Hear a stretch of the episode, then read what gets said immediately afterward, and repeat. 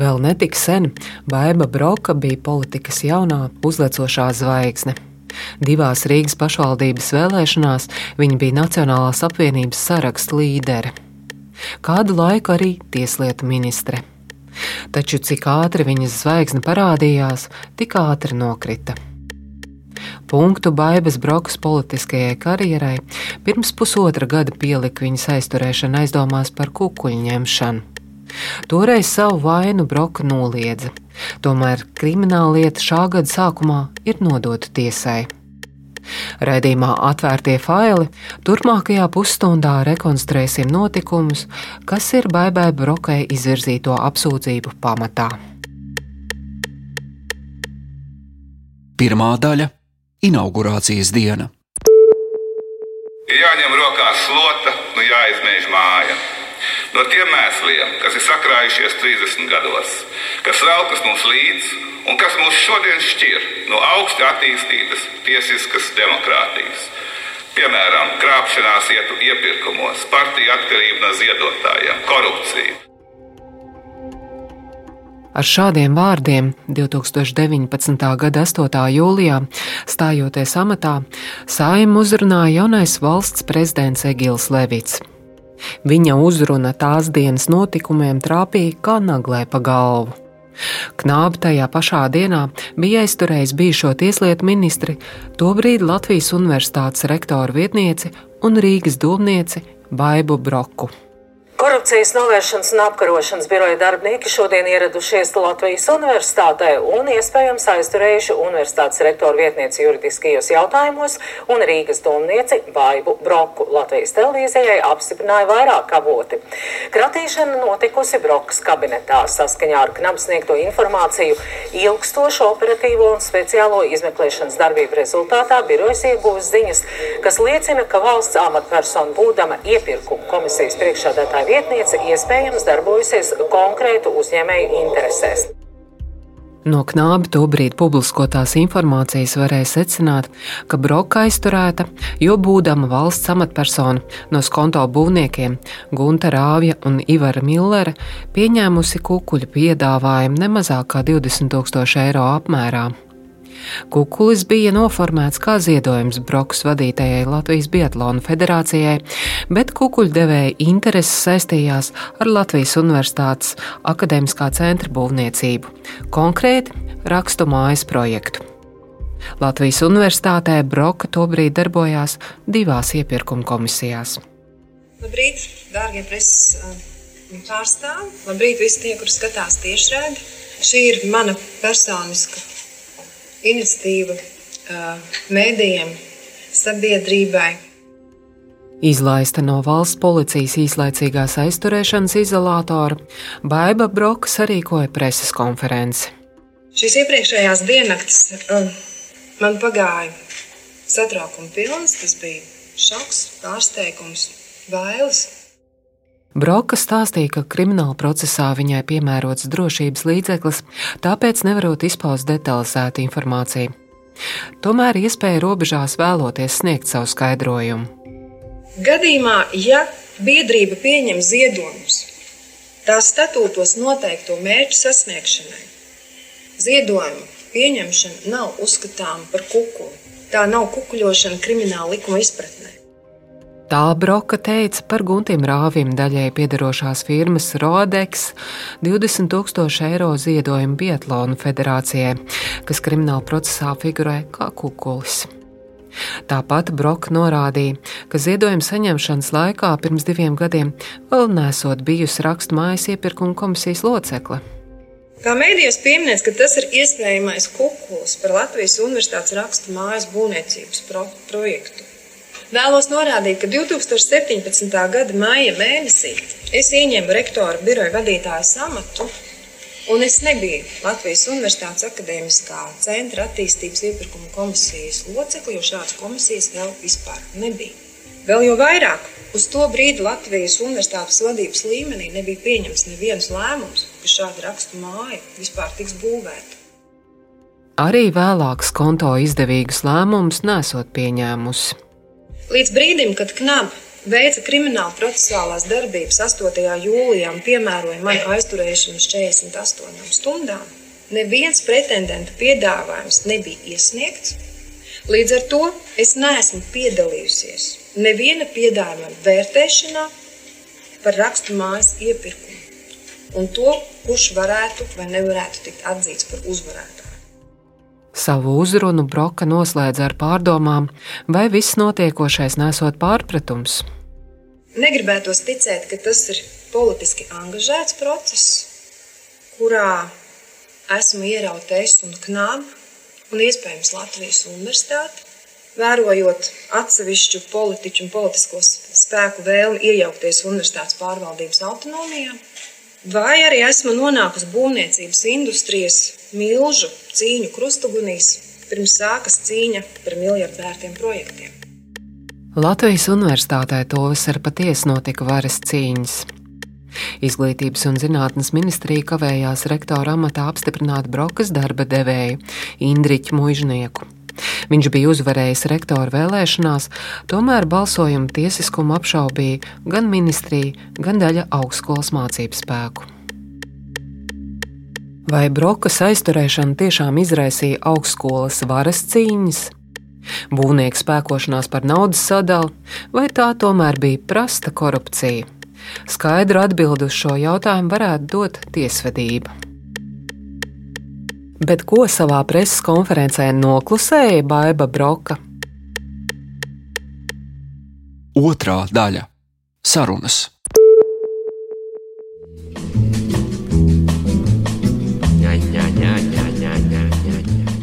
Bibliotēka numur viens Vērmanas dārzā pirms pandēmijas bija viens no izsmalcinātākajiem Rīgas restorāniem. Tieši tur 2017. gada 21. martā Baiva Broka tikās ar būvņēmēju Ivaru Milleru. Todien aizsākās notikumi, kas vēlāk beidzās ar apsūdzību.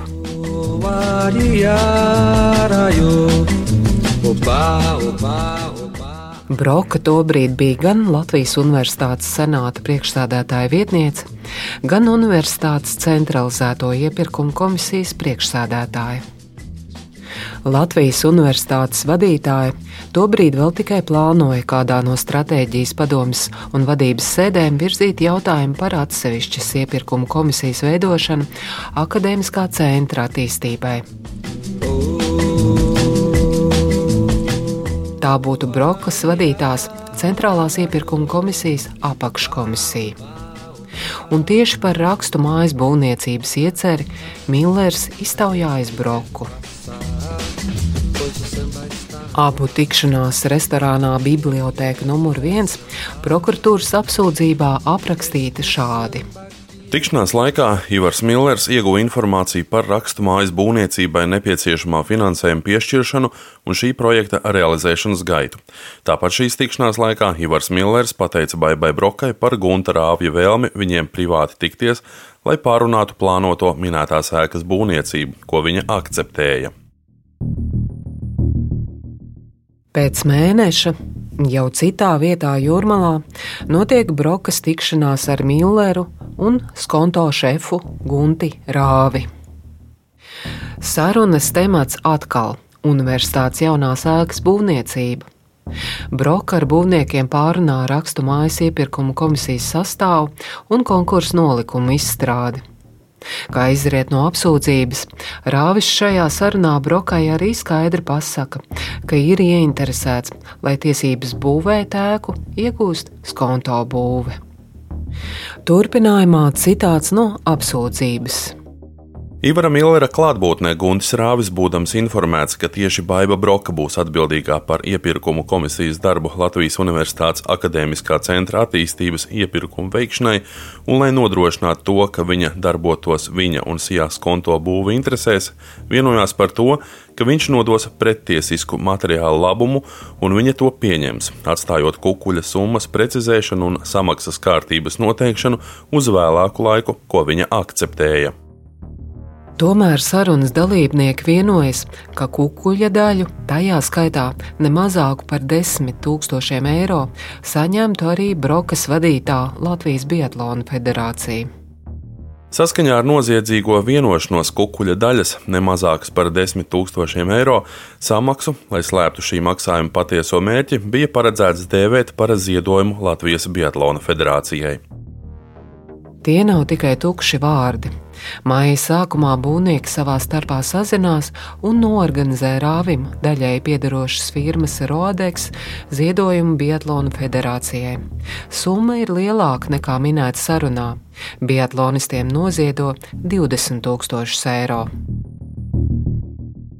Likumsargi uzskata, ka Broka gan pirms, gan pēc rakstu mājas iepirkuma izsludināšanas piespēlējis konto viņai zināmo informāciju. Universitātes amatpersona arī konsultējusies ar būvniekiem par komisijas darbam piesaistāmiem ekspertiem. Komentēja prokurore Evita Masula. Principā viņi apmainījās informāciju par pieņemtajiem lēmumiem iepirkuma komisijas iekšienē. Pieņemsim, kādi eksperti būtu pieaicināmi, pieņemsim, lai novērtētu gan arhitektoniskās, gan tās tehniskās specifikācijas, kas būtu nepieciešamas. Latvijas radio zināms, ka vēl pirms iepirkuma nolikuma apstiprināšanas skonto bija kļuvušas zināmas pretendentu kvalifikācijas prasības. No brokas pie būvniekiem bija nonākusi arī informācija par pieteikumu vērtēšanu. Šī savstarpējā saziņa par rakstu māju turpinājusies vairāk nekā divu gadu garumā. Izmeklētāji par to zināja, sekoja līdzi un ierakstīja lielu daļu sarunu. Kādā no tām dzirdams, kā runātāji saskaņo rīcību arī iepirkuma kandidātu atlasē. Šāda notikumu rekonstrukcija izriet no pierādījumiem, ko savākuši likumsargi. Pašiem apsūdzētajiem ir cita versija. Turpinājumā konto būvnieku Ivara Millera un Gunta Rāvja atbildes īsi pēc atbrīvošanas no īslaicīgās aizturēšanas izolatora 2017. gada vasarā LTV raidījumam Panorāma. Kategoriski nolaidu visas aizdomas. Skonto būvniecība nav devusi kukuļu. Es nevaru neko komentēt, es devu parakstu par nezinu neiespaušanu. Paldies. Krietni runīgāks izrādījās Guntis Rāvis. Absolūti nepamatots. Pirmkārt, skonto būvniecība nav neko devusi. Otrakārt, es palūdzu saviem kolēģiem un labām paziņām ziedot vienai sabiedriskajai sporta organizācijai. Rāvis LTV noliedz, ka būtu ietekmējis broku, lai rakstu mājas būvniecības iepirkumā uzvarētu skonto. Ziniet, mēs tur neko nevaram iespaidot, jo ir speciāli izstrādāta formula, kur nevar neviens ietekmēt. Tur liek iekšā cenas, visādas rādītājas, un gal galā iznāk kaut kāds to punktu skaits, kurš tad ir labākais. Latvijas radio uzrunāja abus apsūdzētos būvniekus, taču neviens no viņiem intervijai neatsaucās. Uz jautājumiem piekrita atbildēt tikai Millera advokāts Aleksandrs Berezins. Kādreizējās valsts prezidenta Gunta Ulmaņa kancelēs vadītājs Millers šajā lietā apsūdzēts kukuļu došanas atbalstīšanā un kukuļa 20 tūkstošu eiro ziedojuma formalitāšu kārtošanā caur firmu Rodeks. Pretēji tam, ko izmeklētāji dzirdējuši sarunu ierakstos, advokāts Berezins saka, nekāda kukuļu piedāvājuma nebija. Broka ar Milleru tikās kā seni labi paziņas tiešām tikās, tiešām runāja un pārsvarā viņi runājuši par biatlonu, par sportu, par politiku, par visu, ko apkārt. Ja, un attiecībā par būvniecību tikai nu, minimāli kaut ko runāja. Broka Milleram nesot izstāstījis neko tādu, ko nevarētu publiski noskaidrot, un kas skonto būvē būtu devis priekšrocības iepirkumā.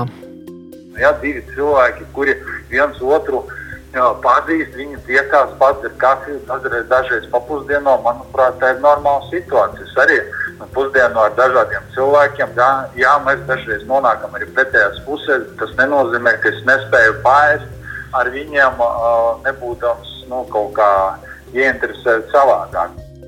Guntis Rāvis šajā lietā apsūdzēts kukuļdošanā un strateģiskas nozīmes ierīces glabāšanā.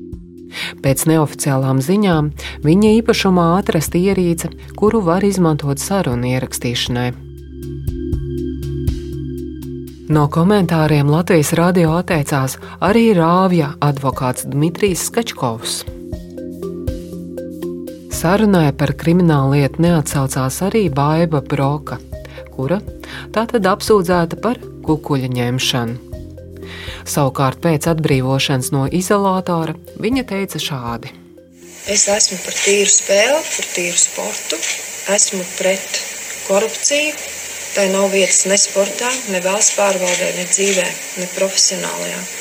Līdz ar to, kā jau teicu, mans svarīgākais uzdevums šobrīd ir sniegt tiesību sargājušām iestādēm visu man zināmo informāciju pieeja, lai patiesība tiktu noskaidrota. Trešā daļa - Biatlons. Mēģinājām sazināties ar firmu Rodex, kas Biatlona federācijai pārskaitīja krimināllietā minētos 20 000 eiro. Telefona saruna neizdodas, taču vēlāk firma atbild uz e-pastu. Tās valdes priekšsēdētājs Uldis Klaperis vēstulē no koruptīvām darbībām norobežojas. Sijā Rodeks šos līdzekļus ziedoja ar mērķi atbalstīt attiecīgā sporta veida attīstību, Latvijas sportistu dalību pasaules čempionāta sacensībās, un tai nav bijis nekāda slēpta mērķa vai savtīga interešu. Biatlona federācija pēc Rodeks pieprasījuma ir atskaitījusies par ziedojumā saņemto līdzekļu izmantojumu un Sijā Rodeks nav saskatījusi tajā kādas nelikumības. Roadeks ir uzņēmums, kas specializējies ceļu būvē un uzturēšanā. Kopš korupcijas skandāla šai firmai, tāpat kā skonto būvē, ir mainījušies īpašnieki. Grupas uzņēmumu vadību pārņēmis un par patieso labumu guvēju kļuvis Gunta Rāvja dēls Rihards. Likumsargu uzmanības lokā nonākušais Rodeks pārskaitījums Latvijas Biatlona federācijai nav vienīgais prāvais ziedojums šai sporta organizācijai. 2017. gadā, kad Baiva Broka saspēlējās ar skonto būvi, biatlonistus ar 30 tūkstošu ziedojumu atbalstīja uzņēmums Čiekuri Šiški. Tā patiesais labumu guvējs ir Krievijas miljardieris Jurijs Šeflers. Vērā ņemamus ziedojumus pārskaitījušas arī apdrošināšanas kompānijas un vēl viens būvnieks - firma Abora. Tā kā Broka ar mums nerunā par federācijas finansējumu iztaujājam viceprezidentu Gundaru Upenieku. Viņš stāsta, ka federācijas vārdā ir izsūtījis simtiem vēstuļu komersantiem, aicinot atbalstīt federāciju. Šie ziedojumi ir palīdzējuši mums biatlonā e, startēt gan Latvijas sacensībās, gan gatavot izlasi, gan piedalīties starptautiskajās. Tā ir normāla praksa visās federācijās, kad mēs lūdzam ziedojumus, un pēc tam ir uzņēmumi, kas atsaucās. Saziedoto naudu izmantojot tikai federācijas mērķiem. Valdes locekļa algas par šajā amatā veiktajiem pienākumiem nesaņemot. Mēs kopā strādājam ar baidu septiņus gadus, ja, un, un cik to, tos vakarus un naktis un tās stundas, lai mēs salasītu šo finansējumu un lūgumus un tik, uh, tikšanās ar cilvēkiem un uh, visām pārējām. Ja, nu, tā visa nauda ir aizgājusi tikai visi, kas palīdz, visi, kas kā, tikai vienīgi sportā. Tomēr šis skandāls raisa jautājumu, vai ziedojumi nenonāk arī partiju kasēs. Sporta organizācijas Latvijā tradicionāli ir vietas, kur satiekas ietekmīgas biznesa un politikas figūras. Bijušais basketbolists Valdis Valters pirms pāris mēnešiem Latvijas radio dokumentēja šādi. Nu, kā var jums labāk pateikt? Nu, sarunātā nauda. nu, par to, ko braukt iesēdināt, tāds pašs nauda. Skaidrs, ka Latvijas sports balstās tikai uz šādas schēmas. Ja? Kā tādu ļoti maz. Tikai saucamie nu, lobēšana. Kaut ko politikā palīdz, nu, nu, politika palīdz un nav tik piesaistīta. Gan klubiem, gan federācijām, nu, tā visu laiku strādā šis schēma. Divi Brokas vadītās Latvijas Biatlona federācijas valdes locekļi ir arī dāsni partijas sponsori.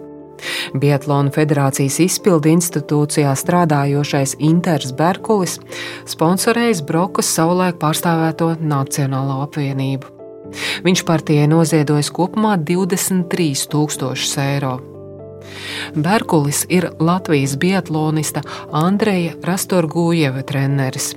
Viņu sazvana sacensību laikā, kad abi ar sportistu ir ārpus Latvijas. Saku, ka ziedojumi pārsteidz, ņemot vērā niecīgo valsts atbalstu sportam. Bērkulis atbild, ka paralēli sporta dzīvē viņam ir arī bizness. Tā patiešām ir. Berkulim ir daļas vairākos uzņēmumos. Biznesa gājas no rokas, un tas ļāvis ziedot partijai. Jūs to, ko nopelnat uzņēmumos, tas ir tik daudz, ka jūs varat 23,000 sadot partijai. Nu, jā, tajā periodā tas nebija pārāk. Teiksim, tajā laikā tas bija tāds arī biznesam stipri gāja labāk nekā varbūt šobrīd. Savukārt Biatlona federācijas valdes loceklis Agris Lunkevičs ir atbalstījis citu partiju - Zaļo un Zemnieku savienību. Šai apvienībai un to veidojošām partijām kopumā viņš noziedojis 13,000 eiro. Arī Agris Lunkevičs saka, ka ienākumu ļaujot ziedot politiskiem spēkam. Lunkevičs ir Madonas novada pašvaldības priekšsādētājs. Ziedojis no savas algas divām savām kampaņām. Madonas novada pašvaldības vēlēšanās gan 13. gadā, gan 14. gadā. Principā tā Madonas novada vēlēšana kampaņa tika arī organizēta par maniem privātiem līdzekļiem. Ne Bērkulis, ne Lunkevičs sakās neko nezinām par iespējamo koruptīvo būvnieku ziedojumu federācijai. No viņu teiktā noprotams, ka abi atbalsta Broku kā federācijas vadītāju. Par spīti apsūdzībai Latvijas Biatlona federācija nav saskatījusi iemeslu Broku atcelt no amata. Viņi joprojām vada šo organizāciju. Ceturtā daļa - Alma Mater un politika. Pārsteigums. Tā par baigas brokas un būvnieku aizturēšanu saka Latvijas Universitātes prorektore Ina Drūviete. Tādas lietas nenotiek katru dienu. Protams, nu, tieši tajā brīdī, kad ieradās knapi pārstāvi, uh, gadījās būt klāta sajūta, protams, ir tāda, kā katru dienu viss negadās. Drūvietis stāsta, ka par lietas apstākļiem zinot tikai tik daudz, cik bijis publiski mēdījos. Nevienam universitātē nesot bijis ne mazāko aizdomu par kādām slēptām iepirkuma komisijas vadītājas sarunām ar rakstumājas iepirkuma finālistu. Es varu tikai izteikt pieņēmumu, ka nevienam no Latvijas universitātes vadības nebija aizdomu, jo, jo kaut kas tāds nebūtu pieļaujams. Tas nekādi nesakrīt uh, ar mūsu ētikas kodeksu. Lai ko teiktu ētikas kodeks, universitāte no Baigas Broks nešķīrās ar vieglu roku. Lai viņi varētu turpināt darbu augstskolas administrācijā, pēc aizturēšanas Brokai tika izveidots jauns amats - eksperta juridiskajos jautājumos. To Broka pamet tikai pēc tam, kad informācija par jauno amatu nāca gaismā un izraisīja sašutumu vētru. Pēc skandāla tobrīd izsludināto rakstumājas būvniecības iepirkumu Latvijas universitāte izbeidza. Pamatojums tam gan nebija aizdoms par korupciju, bet nepietiekamais finansējums. Četru finālistu iesniegtie piedāvājumi būtiski pat par desmitiem miljonu pārsniedz universitātes finanšu iespējas.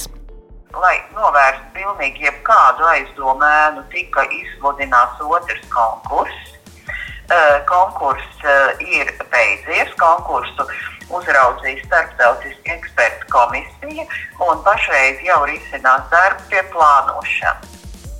Otrajā konkursā par tiesībām būvēt rakstu māju uzvarēja pilnsabiedrība RR BMW. Tā piedāvāja sēku uzbūvēt par nepilniem 35 miljoniem eiro, un tas ir lētāk par pirmā konkursa piedāvājumiem. Ar savu piedāvājumu startēja arī skonto grupas uzņēmums, taču iepirkumu neieguva, jo viņu piedāvājums bija par 3 miljoniem dārgāks. Lai samazinātu projekta izmaksas, otrajā iepirkumā Latvijas Universitāte izvirzījusi citas prasības. Mainīts rakstu mājas novietojums. To cels tālāk no Rēla Baltikas liedēm. Akadēmisko laukumu starp ēkām būvēs zemes līmenī, nevis otrajā stāvā, kā sākotnēji bija iecerēts. Tāpat atteikušies no pazemes autostāvvietām. Pirmais rakstu mājas iepirkuma konkurss parādīja, ka šāds risinājums ir pārāk dārgs Latvijas universitātes finansiālajām iespējām. Tā izmaksu samazinājumu rakstiskajā atbildē skaidro universitāte. Reputācijas riski projektu finansējumu nesot ietekmējuši. Abi rakstu mājas projektu finansētāji, Eiropas Investīciju banka un Eiropas Padomas attīstības banka, ir veikuši Latvijas Universitātes procesu organizācijas padziļināto izpēti un pārliecinājušies par labas pārvaldības principu ievērošanu Latvijas Universitātē. Šobrīd notiek rakstu mājas projektēšana. Ēku plānots atklāt 2023. gada rudenī. Pēc aizturēšanas pamazām izbeidzās arī Baibas Brokas politiskā karjera. Tas gan nebija pirmais skandāls, kurā viņa iekūlās. Savulaik viņa bija spiest pamest tieslietu ministra amatu, jo sābi viņai nedēļu pielaidu valsts noslēpumam. Taču tas netraucēja Nacionālajai apvienībai nākamajās pašvaldību vēlēšanās Broku ielikt par Rīgas sarakstu pirmo numuru. No Nacionālās apvienības viņi izstājās tikai pēc aizturēšanas. Kolēģiem Rīgas domas frakcijā tā bijusi negaidīta. Stāsta Nacionālās apvienības Rīgas domas politiķis Dainis Locis. Man ir tāda iekšēja pārliecība, ka cilvēki ir ideālisti, kas kaut ko dara politikā un grib kaut kādus, nu, teiksim, savus mērķus sasniegt un nemaina savu, saka, nostāju. Ir kaut kāds cits, kas varbūt to politiku izmanto kaut kādā nu, īstā brīdī kaut kādai karjerai. Nu, tādā ziņā droši vien, ka uh, Broka nu, bija tāds izteikts karjeras tips cilvēks, kam prioritāri ir nu, kāpt pa šīm trepēm un, un skaidrs, ka kuri var, tur ir nauda vai otrādi. Arī Nacionālās apvienības priekšstādātājs Raivis Dzinters saka, ka notikušais bijis pārsteigums. Tomēr kļūdas līderi izvēlē nesaskata, jo nevienam dvēselē ielīst un prognozēt turpmāko rīcību nevarot. Vaiba Broka, kā politiķis, faktiski palīdzēja Nacionālajai apvienībai Rīgas domas vēlēšanās, palīdzēja sasniegt ļoti augstu rezultātu. Jā, protams, pēc tam parādījās tādi politiski, sadzīviski jautājumi, draudzība ar uh, politisko pretinieku, Ušakovu ģimeni, jā, un šīs attiecības, tas viss, protams, arī attieksmi partijas ietvaros ietekmēja. Pēc kritiena visi gudrumi, ja mēs zinātu, kur papuksim, tas pilnvērtīgi palika. Pēc izstāšanās no Nacionālās apvienības Baiba Broka kā neatkarīgā deputāte pauda gatavību strādāt partijas gods kalpot Rīgai, politiķa Oļega Būrava kopīgi ar saskaņu iecerētajā koalīcijā.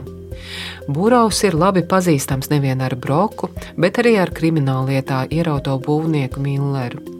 Savu vērtējumu notikušajam gan bijušais Rīgas mērs sniegt atturas. Nu, man šeit nav komentārēt. Lietu, kurā apsūdzēta Baiva Broka, Guntis Rāvis un Ivars Millers, tiesa sāks skatīt šogad mājā.